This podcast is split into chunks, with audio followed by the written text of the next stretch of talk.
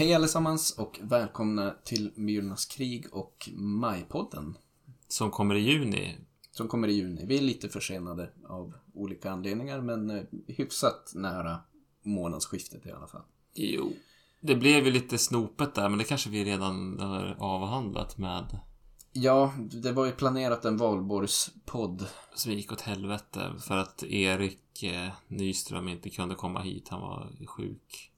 Vi fick lägga det på is eller Ja, helt enkelt. vi får ta det med honom så kanske det blir senare. Vi är inte de som är de. Vi begav oss ut på en eh, jorden runt-resa och eh, vi kan väl eh, prata mer om den sen förstås. Men Nigeria kommer ju att bli under lupp, satt under lupp här under kvällens samtal. Ja, det har ju varit lite på min bucketlist att få göra ett nedslag i Afrika som vi har pratat om har varit ganska svårt. Men då blev jag så taggad när man började hitta att här finns det filmer att se på. Och helt plötsligt så blir det som verkligen jorden runt-resa det här nu. Ungefär som jag trodde ibland det skulle bli fast upphöjt i tre. Ja, precis. Men vi, vi återkommer till, till Nigeria och filmerna.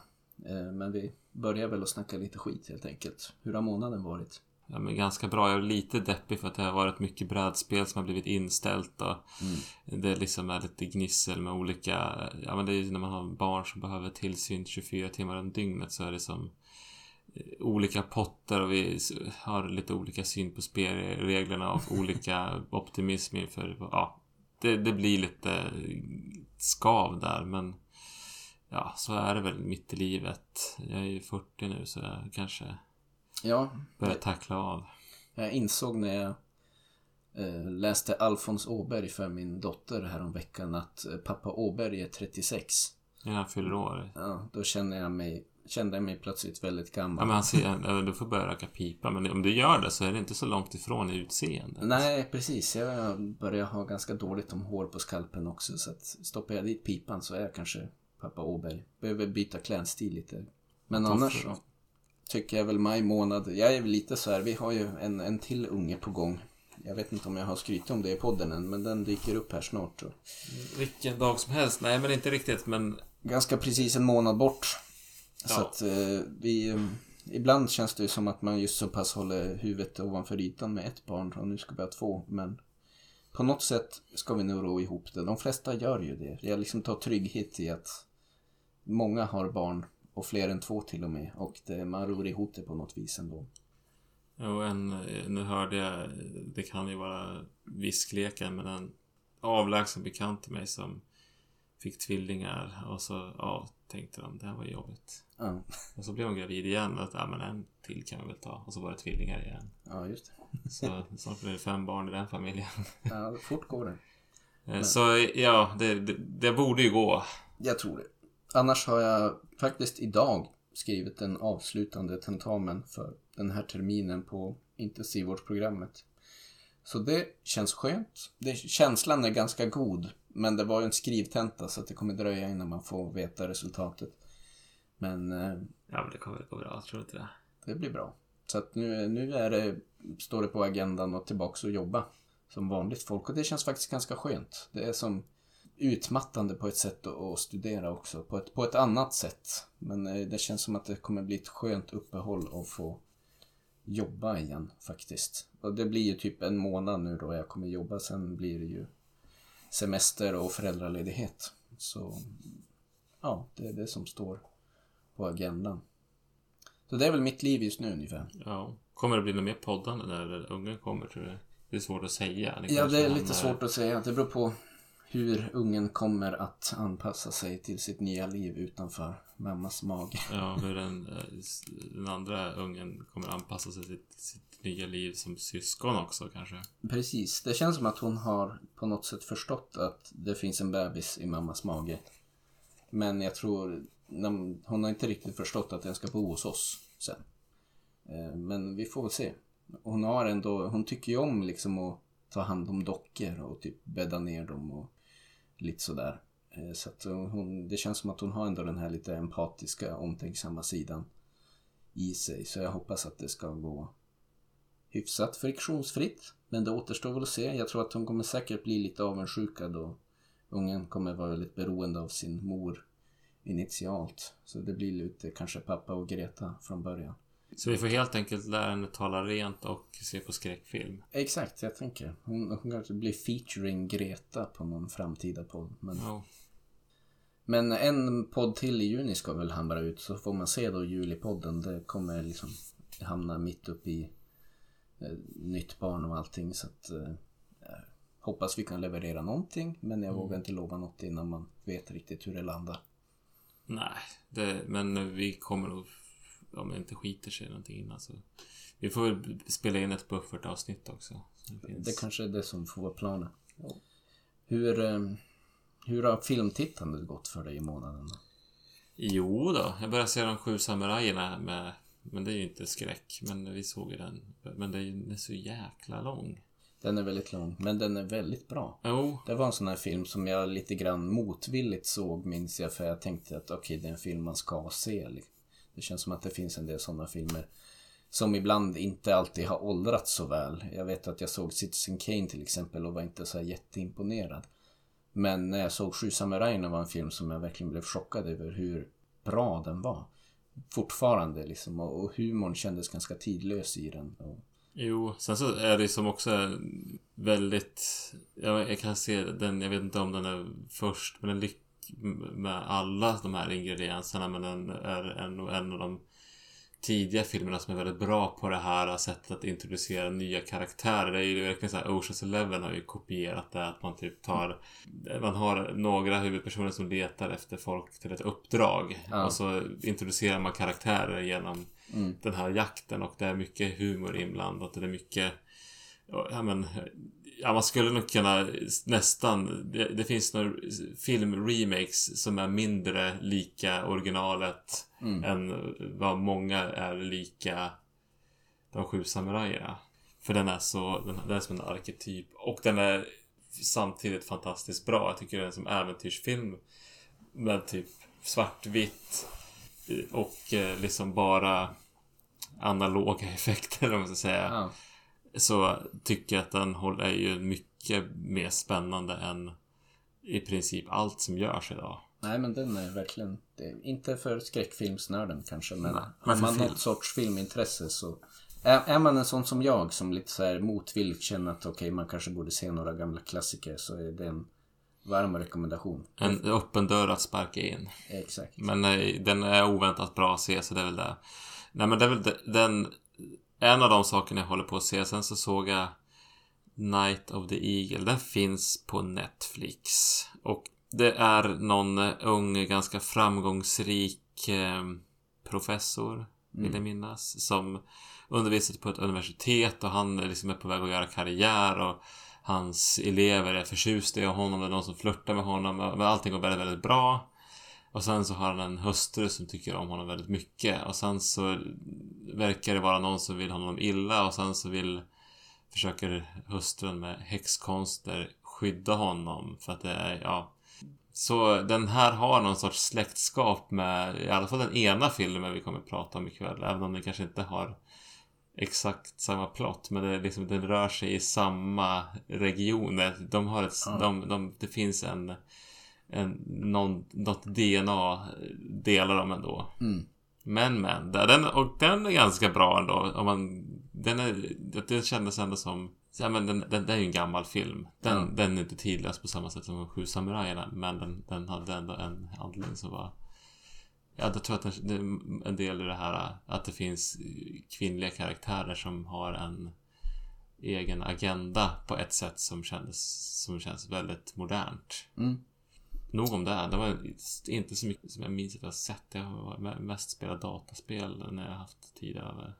Ja, min filmskörd i månaden är ju typ lika med noll bortom det vi har sett för poddändamål. Det har varit ganska intensivt med plugget och så har det varit eh, praktik på intensivvården och övrig tid har gått åt till mycket jobb på huset och håller på och ska bygga något nytt staket. Så att, film, dåligt. Jag har faktiskt börjat se om Tjernobyl. Det är väl typ det. Ja, Mm. Det lilla jag har presterat. Det är ju lite grann på gränsen till skräck skulle jag vilja säga. Det känns som att det är, en, det är ett drama fast den har lite strukturen av en skräckfilm. Jag tycker den är väldigt bra så tillvida att den är väldigt otäck och verkligen lyckas fånga hur obehaglig katastrof det var för de som var där och upplevde. Jo, det var riktigt eh, olustig. Så att den har jag betat av. Men det är väl egentligen det. I övrigt har jag bara sett eh, filmerna som vi ska prata lite närmare om när vi kommer in på resmålet. Så. Nå i alla fall, ska vi ta oss till... Vi hoppar på flyget och åker ner mot Afrika. Och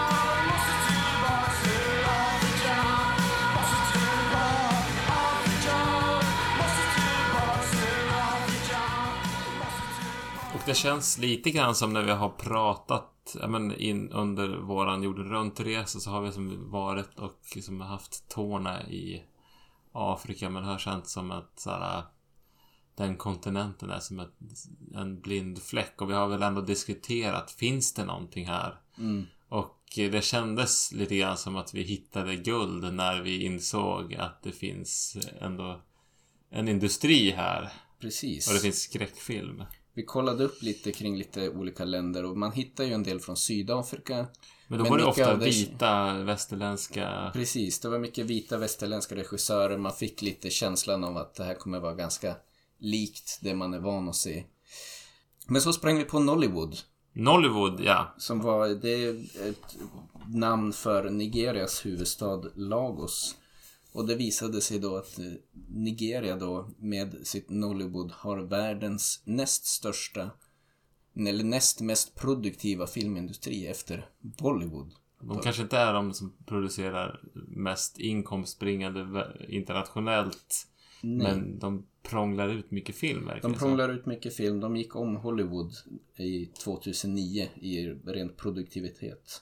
Nu sitter jag och läser lite från Wikipedia men det är ungefär 1200 filmer per år som görs i Nigeria eller specifikt då i Lagos. Så att eh, Det är inte så illa. Det är mer än man hinner titta och eh, ja, med tanke på hur långa de är så Mm. är det nog inte görbart att se dem på ett år. nej, men i alla fall då, då gick man riktigt igång för det här kändes som att man hittade något som var något helt annat än det man var van med och ganska tillgängligt också. De här filmerna görs ju ofta och spelas in på DVD och säljs liksom lite garagemässigt sådär. Men väldigt många av dem eh, rippas också och läggs ut på Youtube. Så att det var liksom inte så... När man väl hade kommit dem på spåren så gick det ganska bra att söka upp eh, rätt mycket av de här filmerna som fanns ute i sin helhet på Youtube. Så därför blev det Nigeria som blev resmålet. Och eh, en ganska tongivande film tydligen för hela den här industrin när jag försökte läsa på. Som också blev den första filmen vi valde att titta på. Det var en film som kom 1992.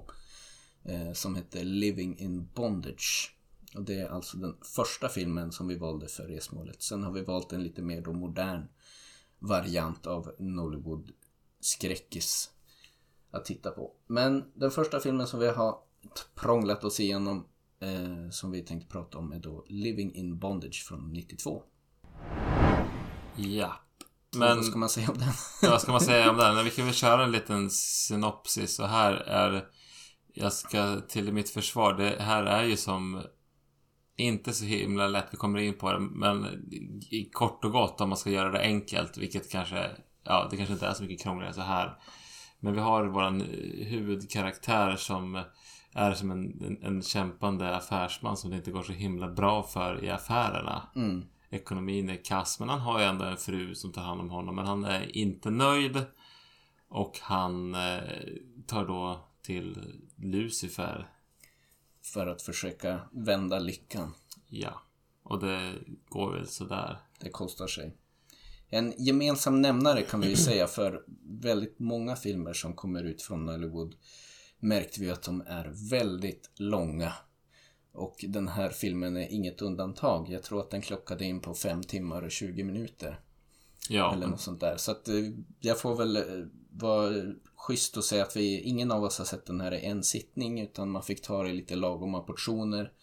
Det var en VHS som är rippad gånger flera som de har lagt upp på Youtube från 92 så att kvaliteten var väl 360p och ljudkvaliteten var inte den bästa heller så att det var lite det var lite arbetsamt att ta sig igen den Ja, filmen. men, och sen är det som, den är typ som i två delar. Jag vet inte om den är som två delar från början. Men när man har, har sett klart första delen då är ju synk, ljudsynkningen hopplös. Och var Mm. det inte svårt innan att hänga med i vad de sa så blev det nästan omöjligt stundtals. Ja, den här är ju inte på engelska heller. Tydligen, det har övergått trenden i Nollywood generellt till att alla filmer görs på engelska nu för att de har en ganska stor spridning lokalt till andra länder i Afrika också. De flesta i Afrika pratar engelska.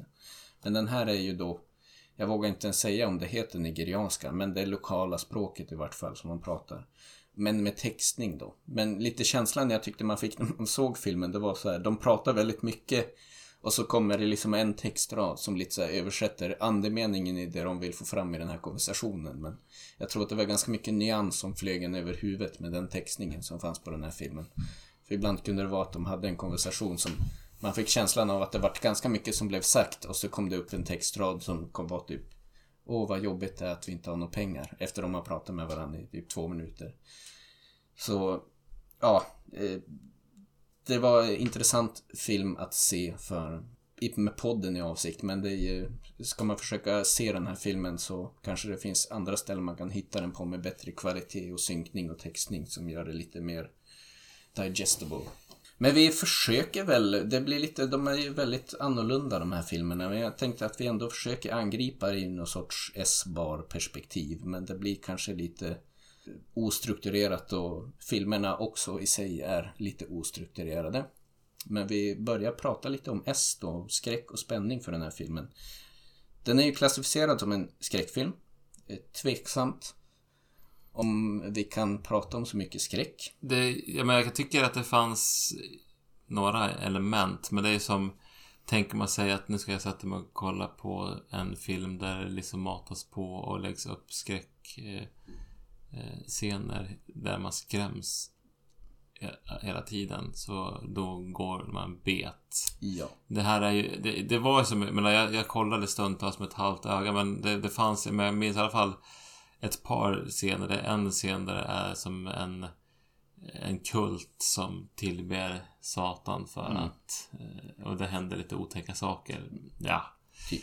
Typ. Och det är väl en sån sak och sen så är det typ någon annan och nu förstår jag, kommer jag inte ihåg sammanhanget och där tycker jag ändå att de utifrån förutsättningarna fick till ganska bra när det är någon som är med sin med en kvinna och sen så ser han sin döda fru i spegeln. Mm. Ta, ja, det, och där tyckte jag ändå att de lyckades med, med Precis den scenen tänkte jag ta upp. Det tyckte jag var den en, kanske egentligen på fem timmar och 20 minuter.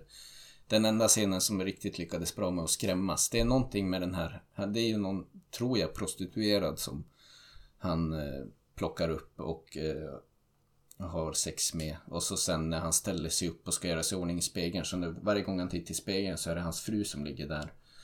Som i det här skedet i filmen har dött. Och när han tittar tillbaka så ligger hon där och hon har något så här konstigt smile som hon håller på med. Men, så att eh, den scenen tyckte jag var genuint obehaglig faktiskt. Och sen är det en del andra så här mer dråpliga spökscener där de leker lite med dubbelexponering. Så, men ut, utifrån förutsättningarna så tycker jag de ändå varit fiffiga.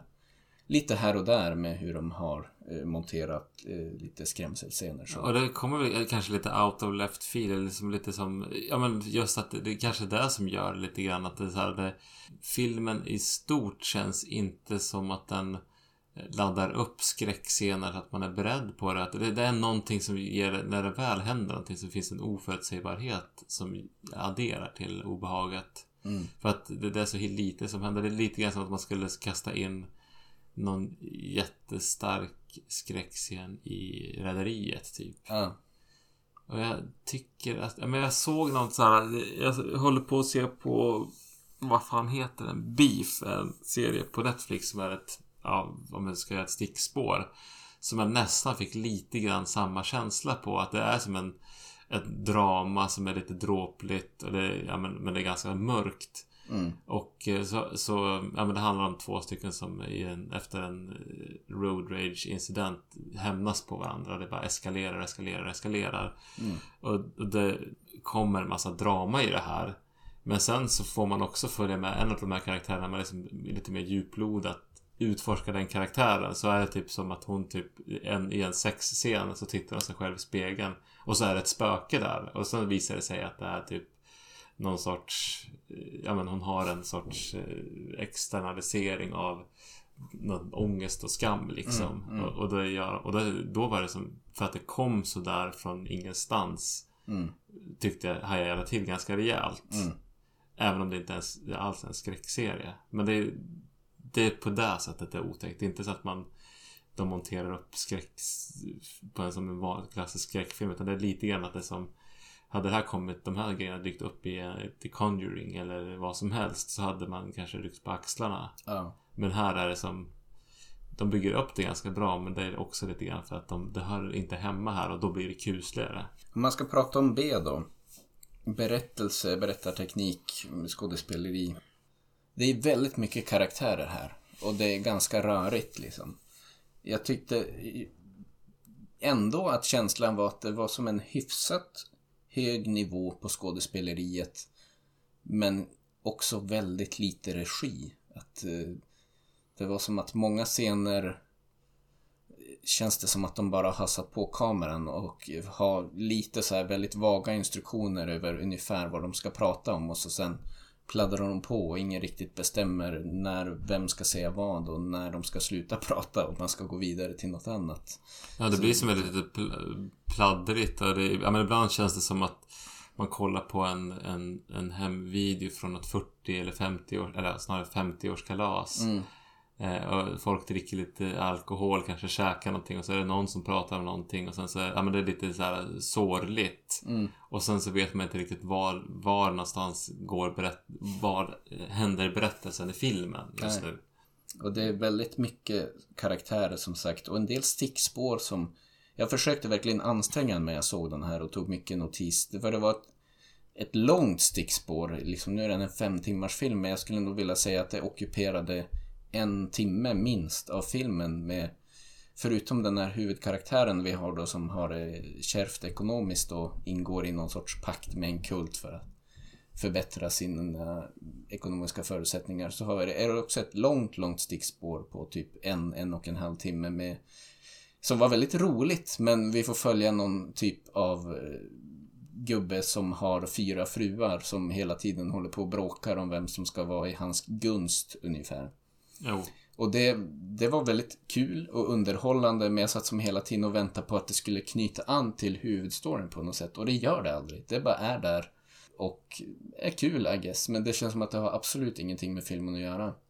Eh, eller så är det liksom något, någonting som jag har missat. Som sagt, textningen var lite si och så. Det var inte alltid lätt att förstå hur saker och ting hängde ihop. Nej, jag, när jag såg det här först så var det som att, men det, för man får ju först följa den här karaktären som senare kommer att eh, ta hjälp av den här kulten och göra ondskefulla saker för att nå eh, ekonomisk vinning. Mm. Att jag tänkte att får vi, har de bara missat att visa när han säljer sin själ och sen så helt plötsligt får vi följa honom när han har en massa fruar för att han är så framgångsrik. Men det är ju en annan person här. Ja, Och just för att hela berättandet är så, är liksom så himla otydligt här. Det, så, Mm.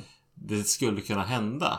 Men så får man ju följa den här karaktären eh, som har fyra fruar och sen är man tillbaka i den här andra som det går dåligt för för att han sålde sin själ. ja. Jag trodde på något sätt att de här, deras öden skulle sammanflätas någonstans. Men det, det gör det aldrig. Det var som bara en liten film i filmen på något vis. Där man fick följa de här fyra fruarna som höll på att bråka med varandra om vem som skulle vara the head of the household lite grann hemma när maken var borta. Och det, det var på sätt och vis ur rent så här underhållningsvärdet var ganska högt tyckte jag på den, det sidospåret. Men det hade som verkligen ingenting med saken att göra. Det skulle kunna varit sin egen film. Och med tanke på hur lång filmen var så hade det typ räckt. För det, det ockuperar typ en, en och en halv timme av filmen. Att man får följa den här dramat som försiggår i det här hushållet. Men som sen visar sig inte ha egentligen någonting med handlingen att göra. De träffas aldrig. Det finns aldrig liksom någon gemensam knytpunkt mellan de här två. Men det ser ganska likt ut Ja. i miljön. Så jag, jag, det är lätt att tro att det är, Mm. är samma. Men eh, jag, jag får lite grann känslan eh, så att det är lite på samma sätt som när man tittar på eh, gamla Hollywoodfilmer eller gamla, eller gamla filmer i största allmänhet.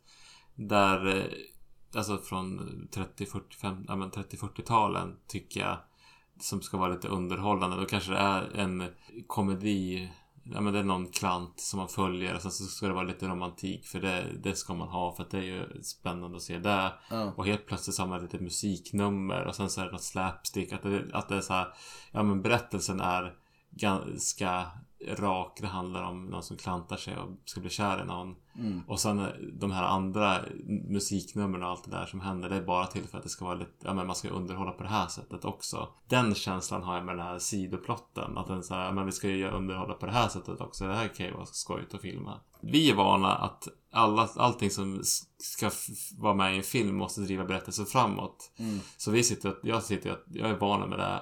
Då blir det svårt att se det här för att vad fan, vad ska det här göra? När, vad, jag får inte ihop det, man anstränger sig ganska mycket. Mm. Och eh, det är inte, inte meningen, tror jag. Nej, jag tror inte det heller. Och sammanfattningsvis får man väl säga att, ja som sagt, jag fick ändå en ganska känsla att det fanns en hyfsat hög nivå utifrån förutsättningarna ändå på skådespeleriet med så pass många karaktärer som är inblandade. Men liksom manus och regi är väldigt luddigt och råddigt och de flesta scener är otroligt mycket längre än de behöver vara för att det känns som att det är en, mm, i vissa fall total avsaknad av regi eller planering inför scenen. De har som bara bestämt att det ska vara en scen när ni träffas på en restaurang. Sen har de inte fått några mer instruktioner så får de liksom bara freestyla det därifrån. Och blir många gånger väldigt utdraget och svårt att liksom se vad som är poängen med vissa scener. Så. Ja, och så det pratas och man äter mat och man dricker och man...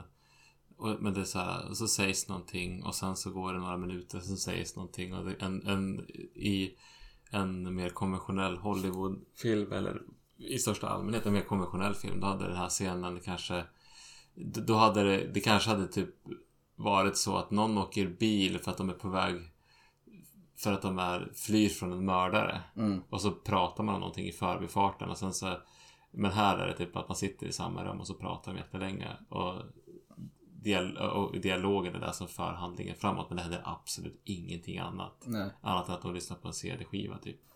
Och det för vi oss vidare kanske mot A. Och det är liksom A- A-problemen med den här filmen tycker jag knyter an mycket till B. Det är liksom Förutom en to- i vissa fall känns som en total avsaknad av regi så är det som att det finns ingen editing. Man kanske inte hade liksom tekniken och resurserna. Det här är ju väldigt garagefilm. Det, jag tror de hade väldigt lite resurser och budget och så när de gjorde den här filmen. Och, det får man väl säga att det märks då. För att eh, det, känns som att det väldigt många scener är lite grann first take. Vi kör på det vi har och så går vi vidare. Ingen klippning eller mixning eller någonting. Och den här filmen skulle kunna ha varit två och en halv timme utan att den hade förlorat någonting på det. Men den är fem och en halv timme så att det är liksom väldigt mycket tid som man bara sitter lite grann och eh, väntar på att nästa scen ska komma och att något nytt ska hända. De, man liksom förstår, okej okay, den här scenen den är inte poänglös men de har liksom kommit till poängen en minut in i scenen och, men sen är, hänger de kvar i samma scen i tio minuter till ibland och man fattar liksom inte vad som vad de håller på med. Varför klipp här, gå vidare men jag vet inte. Det är ingen, ja men det är ju kli, äh, klippredigeringen är ju helt obefintlig nästan. Mm. Men eh, om man tittar, ja men eh, visuellt så ser det ju, det, ja men det är ju den känslan jag får är att du får, det, är så tredje klassens eh, såpopera från mitten av 80-talet på någon bortglömd kanal som drivs av eh, någon frikyrklig sekt i mellanvästern. Ja. Typ, fast det här är i Afrika då. Men alltså det är liksom den, det är så det skulle se ut. Det känns, men liksom med den del klippningen och scenövergångar och sånt som finns så jag fick lite som, jag vet inte om jag kunde hitta någon klockren jämförelse men som att de har tagit inspiration från väst men väldigt gamla att det, det är väldigt så här typ glamour eller A-team att det är liksom lite sådana så här Den känslan i bild. drama, klippning, scenövergångsfeelingen som var ganska mysigt och lite roligt men också eh, Ja, det är väl liksom utfört på ett semikompetent sätt ibland men det vart också lite grann för en sån lång film också kunde det ibland vara extremt repetitivt där det var som att de hade fått en känsla för att ja, men det här är ett sätt man kan göra en scenövergång på Och sen gjorde man exakt samma sak hundra gånger för att man hade som fått in lite feeling för hur man skulle göra det. Att vi börjar med att ha det inzoomat på ett glas när vi ska vara på restaurangen. Och sen zoomar vi ut för att presentera hela scenen. Till exempel. Och så tänkte man att det här är ett coolt sätt att göra en scenövergång på. Och, och så, så gör man så. Och så gör man så. Tusen gånger. Ja, och sen... Och det blir väldigt tydligt i en så lång film att uh, man skulle kanske kunna haft lite mer idéer och uppslag på hur man hade kunnat ta sig fram genom scenerna. Det blir som men det är samma, sak med musiken. Att det, vi har en låt som är liksom, den är ju också väldigt härligt 80-90-tal mm. övergång, övergången där.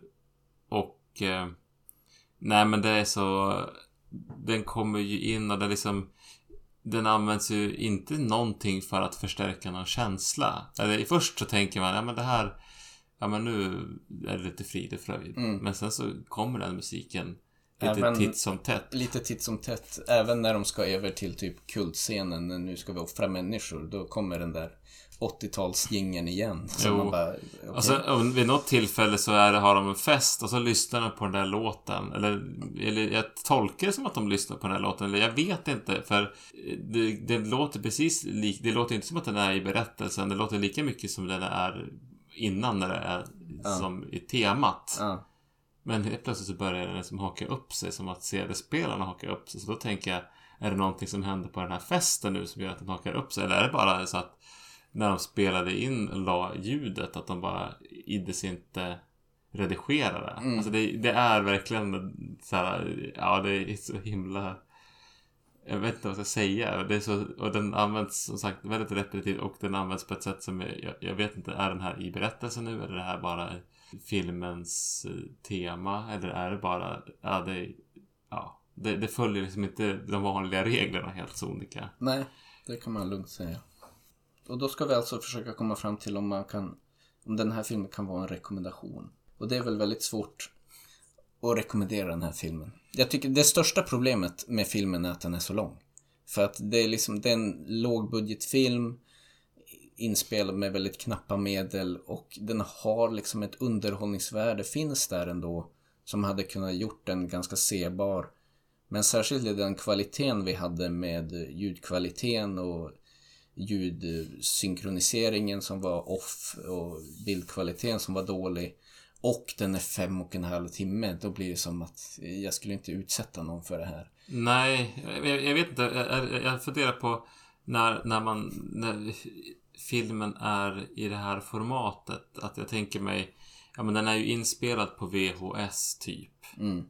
Det eh, känns i varje fall så. Kan det vara så att man säger, ja men det, det aldrig har gått på bio och då ställs inte kravet på att man ska typ stå ut med att se den här i en sittning och den behöver liksom, alltså den blir liksom inte tight. Nej. Den behöver inte vara tight sådär utan att den har kunnat sälja ganska bra ändå för att Ja men då kanske någon har den på VHS och så sitter man och typ jag kan liksom se framför mig att... Man sitter ett gäng och så pratar man lite grann. Alltså, så ja. går någon och kokar kaffe och så någon, alltså, Man kan gå lite så där på och så pratar man. Ja men det här har hänt.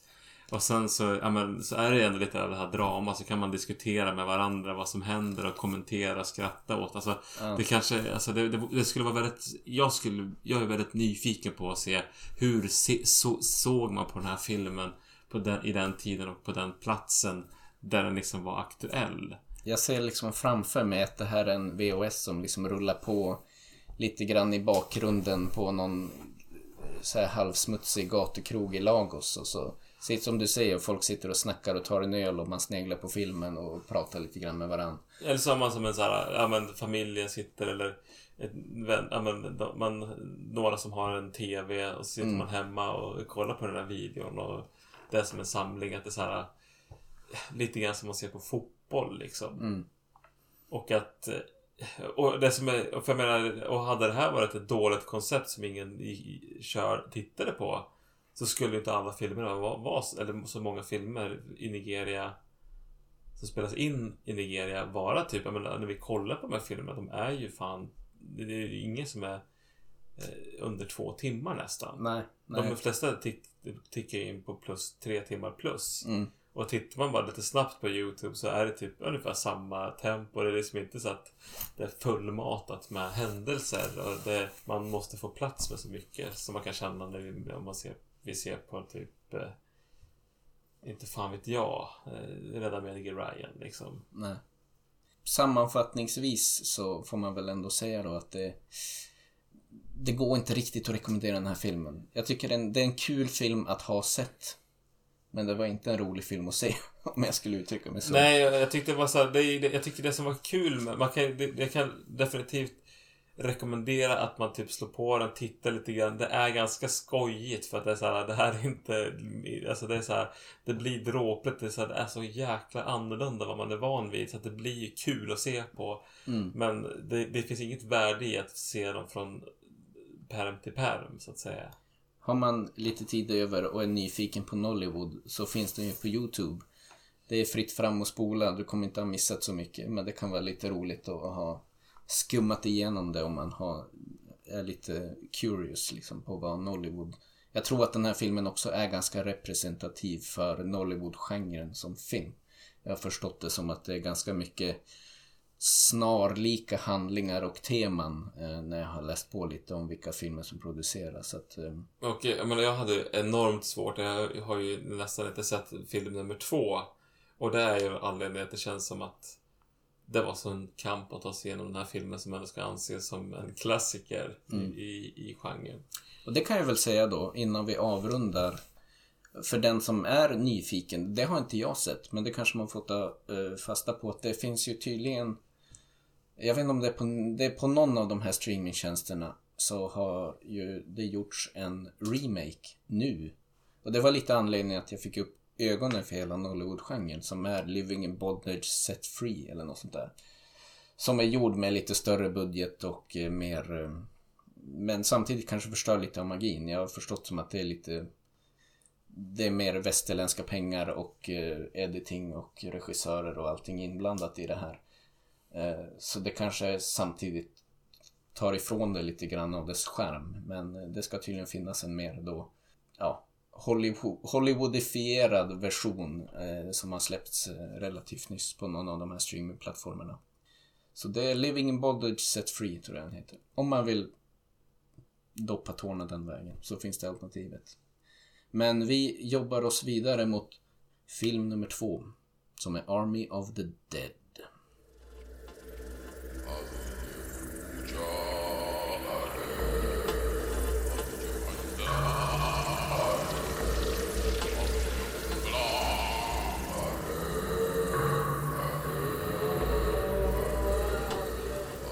Ja, men Army of the Dead då. Det är inte den här... Uh, Hollywoodfilm. Nej, inte den här Zack Snyder Netflixifieringen. Netflixifieringen. Utan det här är från Nigeria och det, som sagt, det var... Vi skulle väl ha... Ja, men man, det är ju bra att ha en tidsaspekt. Har den här genren, hur har den utvecklats över tid? Så den här är från 2023 sa du? Ja, precis. Eh, Men jag var ju som lite sådär bränd och, av första filmen och eh, jag hade tidsbrist och så, så jag, jag har inte sett den. Så vi kommer göra ett litet nytt upplägg, men du kan få berätta synopsis här. Ja, Army of the Dead. Det är ju nästan copy-paste. det har inte hänt så mycket storymässigt. Och det, jag antydde det i slutet av förra filmen att det är mycket liknande teman. Och så även här. Eh, nu får vi följa. Det är en lite mer brokig skara karaktärer vi får följa men den gemensamma nämnaren är att folk vill ha pengar. De är missnöjda med sin ekonomiska situation och eh, ja, en kanske specifik person i den här filmen då är beredd att gå över lik för att få mer pengar. Mer eller mindre. Och det visar sig att det straffar sig. Så att det, det är väldigt snarlikt handlingsmässigt i den här filmen egentligen. Ja, men då så. Då tar vi väl en, en S-bar. Ja, då börjar vi med skräckspänning. Skulle du säga att det, det, det någon gång tyckte det var obehagligt eller fick någon genomgående stäm, stämning? Att det var spännande, otäckt, eh, hisnande? Nej, man kan säga att den här filmen börjar med ett anslag som är ganska lovande. återigen har vi här en mystisk kult. Fast nu är det någon kult med... Ja, det, den utvecklingen har väl... Det är någon typ eh, kvinnokult som arbetar för att kvinnor ska få eh, kunna mer ekonomisk frihet och komma bort från under sina makar som håller dem under, som ekonomiska hostages lite grann. Så att det finns väl en eh, social utveckling där kanske. Men i anslaget får vi liksom se lite den här kulten stå och chanta och det kändes lite intriguing. Tyvärr, efter detta hyfsat spännande anslag så återkommer vi inte dit. Förrän långt, långt senare. Jag till och med skrev ner efter två, den här, nu valde vi den här filmen lite grann också för att den var lite kortare. Den var bara tre och en halv timme.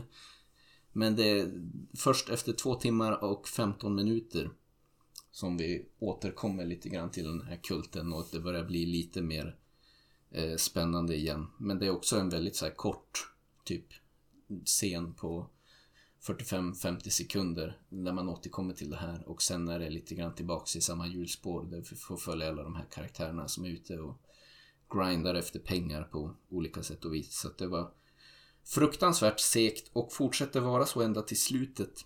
Känslan är att man har gjort den här filmen med tanken om att man ska ha någon slags uppföljare och de har någon så här lite grann Next episode kind of grej i slutet där man ser lite så här, går igenom lite snabba scener, vad kommer att hända framöver? Och då är det, antyds det mycket mer skräck och spökerier. Men väldigt lite, för att inte säga nästan ingenting av det hinner hända under den här filmen. Handlingen är som sagt väldigt snarlik. Det är någon som gör någon sorts deal med den här kulten för att hon ska kunna få pengar. Hon förstår inte riktigt fin, det finstilta. Hon går i, i lag med den här kulten. Men är det någonting ondskefullt och otäckt som händer? Eh, nej. Typ inte en enda scen. Förutom det, det är liksom lite de här kultscenerna när de står och tjantar och ja, beter sig mystiskt liksom. Så det man väntar på att någonting ska hända men det händer aldrig riktigt. Väldigt, väldigt segt. Så då, ja men då, så det, ja, men ska vi gå in berättarmässigt och tycker du att det här följer samma stil? Det låter ju väldigt onekligen som att den här filmen är en, eh, ja, väldigt samma... Väldigt samma. Det finns en mer tydlig huvudskurk i den här filmen som man får följa väldigt mycket. En av ledarfigurerna för den här kulten. Det fanns ju en ledarfigur för kulten i förra filmen också men han var lite grann inte så mycket med i handlingen men den det är en av huvudrollerna kan man säga i den här filmen och hur hon är lite grann ute och försöker att locka folk med löften om eh, pengar och, och välstånd och lycka. Så det är väl möjligtvis skillnad. Sen nu är vi ju inne i eran i Nollywood-filmer då där alla pratar engelska. Sen är inte alltid, då, det betyder ju att här fanns det ingen textning. Och på grund av ljudmixning men även på grund av sätten de har att prata så var det ibland ändå ganska svårt att hänga med. Det, ibland de talar väldigt fort. Det, de har ju en ganska så typisk afrikansk liksom, brytning. Eh, som gjorde att man hade svårt att hänga med ibland ändå. Men eh, det känns ju som att man kanske ändå förstår mer av vad som sägs här. Men känslan är ändå lite grann samma som i förra filmen. Att det föreligger en viss brist på regi här. Så ibland är det som att folk bara står och pladdrar med varann och man vet, de vet som inte riktigt vart, när de ska ge sig och gå vidare. Och så står man och det blir väldigt repetitivt i många scener när folk står och härjar om olika saker med varandra. Så, ja, vad ska man säga? Vi kan väl gå vidare på A kanske? Ja. Ljudmixning. Alltså, det, det känns ju som att det finns en klar kvalitetsskillnad här regi är brist men det finns en, ändå en utveckling i hur man väljer att hoppa mellan scener. Det finns ganska många så här behagliga drönarshots som de ändå använt sig av. Det är liksom ganska trevligt att titta på. Men det var mer som en film som kändes som att det här skulle kunna vara en bra reklam för att resa till Nigeria. Man vart som lite taggad på semester. Det var mycket fina liksom drönarbilder över Lagos och hej och hopp. Men... Ja, den andra filmen, Living in Bondage, så var det verkligen så här ställer upp en, en videokamera i någons lägenhet. Ja, så att det, det, det, det har väl hänt mycket på den fronten. Att det känns som att det finns det finns en större mått av kreativitet där i hur man liksom strukturerar scenerna och lägger upp det. Men ljudmixen tycker jag fortfarande var väldigt konstig. Eller det känns som att det, de har väldigt, det är oftast får man känslan av att det är kameran som plockar upp ljudet. Och i vissa scener när de står ute på stan och så är det som uppenbart, det blåser som fan i micken och ingen av karaktärerna som pratar är mickade och man sitter verkligen och lutar sig fram mot datorn för att försöka höra vad det är de säger. Eh, och det är väl liksom en budgetfråga kanske. Det, även, det ligger väl lite i Nollywood-naturen att nästan alla, det finns ingen av de här filmerna som har någon liksom större budget utan känslan att det är ett gäng kompisar och en filmkamera och så spelar man in någonting. Så att ljudmixningen är fortfarande väldigt dålig. Men det känns som att det har hänt ganska mycket vad gäller rent hur man strukturerar och lägger upp scener.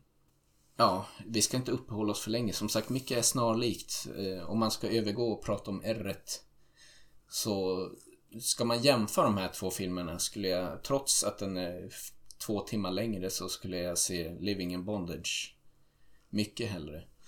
Och det, ett problem med den här filmen var väl också att det känns som att de har gjort den med tanke att de ska göra en uppföljare sen som liksom löser mer av konflikterna. Här var det väldigt extremt segt. Jag tyckte den här filmen kändes längre även fast den var betydligt kortare för att till och med när filmen är slut är det som att ingenting riktigt har hänt. Det når lite sin kulm mot slutet. Att en av de här karaktärerna går i lag med den här ondskefulla kultledaren typ och får all sin ekonomiska frihet men på bekostnad av att en av hennes nära anhöriga dör och sen slutar det typ. Så att eh, Ja, nej, jag tyckte den här filmen var eh, riktigt dålig om jag ska vara rent. Det, liksom, det fanns det här underhållningsvärdet vi pratade om i, i Living in Bondage saknades här. Och det var väl också lite, man, man var lite mätt efter Living in Bondage. Var egentligen inte jättesugen på att se den men jag kände att ja, vi måste ändå jobba oss igenom det för podden. Men det var nyhetens behag hade liksom gått över och så var det bara en tre timmar film till man skulle traggla sig igenom som var liksom, ja okej, tekniskt sett bättre. Den är inspelad nu med bättre utrustning men hjärtat fanns liksom inte riktigt där tyckte jag. Så att eh, tyvärr får jag nog säga ett riktigt bottennapp och jag skulle absolut inte rekommendera den till någon. Då skulle jag hellre säga att eh, skumma igenom Living in Bondage om man är nyfiken på Nollywood-genren. Men den här kan man nog lämna. Jag har inte gjort någon superdjup research för att hitta liksom det här är de bästa Nollywood-filmerna utan det vart lite grann styrdes lite grann. Living in Bondage vill man se för att vara en klassiker. Den här valde jag nog lite grann mer att se för att den var lättillgänglig och inte fruktansvärt lång. Men Så den kan man glömma? Den kan man glömma, absolut. Så att, ja. Du har inte missat något. Nej. Även fast du, du inte tog en för laget. Det jag gjorde för laget var väl att jag lag, lagade jag har glömt bort vad det hette. Jollof Rice. Jollof Rice, eller som Annika sa, Jolly Rice. Precis. Jolly Fries. Jolly Rice. Jollof Rice. Det, men det är som att man kokar som ris i en tomatsås som är ganska kryddig. Och nu var det barn där så vi, hade inte så mycket hetta. Men man kan ju addera habanero-sås efterhand. Mm. Det är ganska smarrigt. Man kan ju ha det till vad man vill till. Ja, jag var positivt överraskad. Jag har ätit väldigt lite afrikansk mat skulle jag nog säga. Men min känsla var att det skulle vara ganska så här, smaklöst och trist. Men eh, Jollof Rice, den, eh, det var en hit. Till och med hos min dotter. Så jag tänker att det är ett recept vi kanske måste ta med oss hem och får kanske pröva lite mer afrikansk mat hemma. Ja, en, en eh, vad heter det, vardagsrätt. Mm. Skulle man kunna ha det som. Annars så... För att imponera på dina föräldrar som har bott i Eritrea, eller var det Tanzania eller Etiopien? Etiopien till och med. Jajamän. Men annars får man väl säga som filmresmål. Jag tycker att det var jäkligt intressant. Precis. På det sättet. Som jag avrundade med, med Living in Bondage så skulle jag nog säga, åter säga det att är roliga filmer att ha sett inte så roliga filmer att se. Nej men det är som inte så att jag får känslan av att det här ska man Jag Det, vi har ingen mer guldgruva här som vi Nej. kommer gräva så mycket mer i. Nej, jag. jag, fick ju med som känslan att så här, om vi tar till exempel Israel, när vi Mm. tittade på det, att det här så här, shit, här är det finns någonting, en speciell extra smak här som är jävligt mörk och är i humor och Mm. sånt. Mm. Där man så här, hoppas att man skulle kunna hitta något mer. Ja. Här är det som, ja, det, det var det här de hade. Och det, det här sättet att göra film på är jobbigt att se på. Ja, det är, inte, det är inte min kopp av te. Det får man väl helt enkelt lov att medge. Det är definitivt något annorlunda och det tycker jag är kul. Det är ju som hela idén tycker jag och det som känns peppigt med hela jorden runt-grejen. Att man hittar något som känns något annorlunda än Hollywood och här har vi något som är något helt annat. Men eh, som sagt ganska svårsmält. Jag skulle nog kunna käka lite mer Nollywood-filmer om man hade kunnat hitta ett format där man gör det lite mer digestible för en sittning. Det känns som vi pratade om att det, det är inte liksom designat för att man ska sätta sig ner och koncentrerat titta på en film som är fem timmar. Det är kanske inte riktigt tanken att det ska konsumeras på det viset. Nej men det är som att man ska sitta och se på en, duo och eh, liksom Mm. ha lite plockmat och dricka lite vin. Den här film, en annan film jag tror jag var sponsrad av vintillverkare. Ja, Men eh, ja, att det liksom är, det är ett annat sätt att se på film och då är det helt, det, det, det kanske är vi sitter, vi, vi sitter i fel sorts sammanhang helt sonika. Men, eh, ja, och att det kanske är så att man sitter och snackar skit och pratar om vad som har hänt sen sist eh, samtidigt som man tittar på filmen och samtidigt som någon röker pipa och någon annan kokar kaffe och mm. ja, och så vidare. Så det, det kanske inte är så dåligt. I rätt kontext så funkar Kanske. det kanske bättre. Ja. Men, men det är nog ingen... Det kommer nog dröja om jag inte får någon så här superstark rekommendation från någon innan jag hoppar ner i Nollywood-träsket igen. Men det är roligt att ha besökt landet och eh, tittat på några filmer. Definitivt. Definitivt. Ja, men med det sagt, då kanske vi kan börja. Jag, har, jag var ute på eh, loppis Mm. eh, någon ledig förmiddag och sprang på en... Jag fick en poddidé. Okej, låt höra. Det här, den här The Deaths of Ian Stone. Mhm. Det är en DVD med, ja men det handlar väl om, ja, om jag ska samla, jag, jag fattar, jag har inte sett den så vi får väl se. Men den verkar som att det är någon som dör om och om igen. Mm. Lite grann som eh, Måndag hela veckan, Ja, fast skräck. Och sen har vi... Och samtidigt som jag hittade bredvid i, på Röda Korset så var ju The Butterfly Effect. Och det är som så här, nu är vi inne på någonting. De här är ju liksom, det är lite grann samma andas barn. Mm. Ja, och sen så finns väl säkert, om vi får tag i Happy Death Day, Day så skulle man kanske kunna se den på något enkelt sätt. Den har jag faktiskt sett semi-nyss känns det som. Var det Så- du, jag och Tron som såg Ja. den eller någonting? Det är inte, ja, semi, Semi-nyss, det är några år sedan. Ja, det var nog innan vi fick barn. Så Ja, det, jag ja känner men att jag har en hyfsat färsk i minnet. Och där, det var mitt förslag. Eh, vad säger du om den? Då har, då har vi ett, ett färdigt paket. Måndag hela veckan skräckvarianten typ. Jo. Ja, men det skulle kunna funka. Ja, men det är väl kanske det vi kan återkomma då om vi inte kommer på några bättre idéer. Jag hade väl någon sorts tanke om att man skulle göra något somrigt ändra månaden. Ja men Men tycker jag har inte tar. egentligen något färdigbakat sommarkoncept. Vi har ju Vi får börjat... se vilken ordning det blir i. Vi har liksom tagit stranden och båten och stugan och jag måste kolla lite bakåt i våran katalog vad vi har gjort för sommarteman och vad man kan hitta på. Vi hade något haj-tema då någon sommar. Så att det, Det, det, men att jag, jag tänker Airbnb horror eller något sånt. Ja. Ja. men jag hade någon idé. Jag, jag, jag måste... Jag, vi, vi får... Det kanske blir så att det blir en, någon form av semester, sommar, ditt och datt. Och sen blir det de här. Men Mm. det kanske är de här två som är i pipeline. Så får vi se vilken ordning de kommer i. Det bästa vore om vi kunde få sommaravsnittet till nästa avsnitt. För då är det ju semestertid. det kändes som det optimala. Sen kanske vi ändå får i mån av tid försöka göra båda. Då är juli en väldigt stort frågetecken på den månaden för mig. Hur mycket jag kommer Ja. orka och hinna med när man ska få en ny bebis och allt in i sitt liv.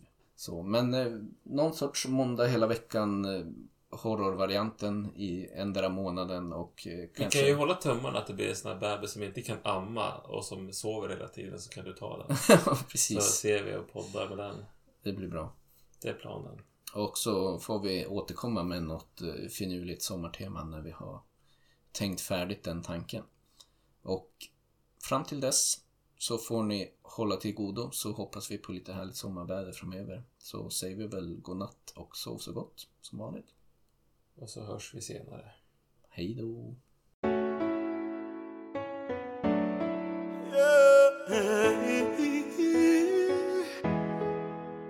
Even on a when I give my life,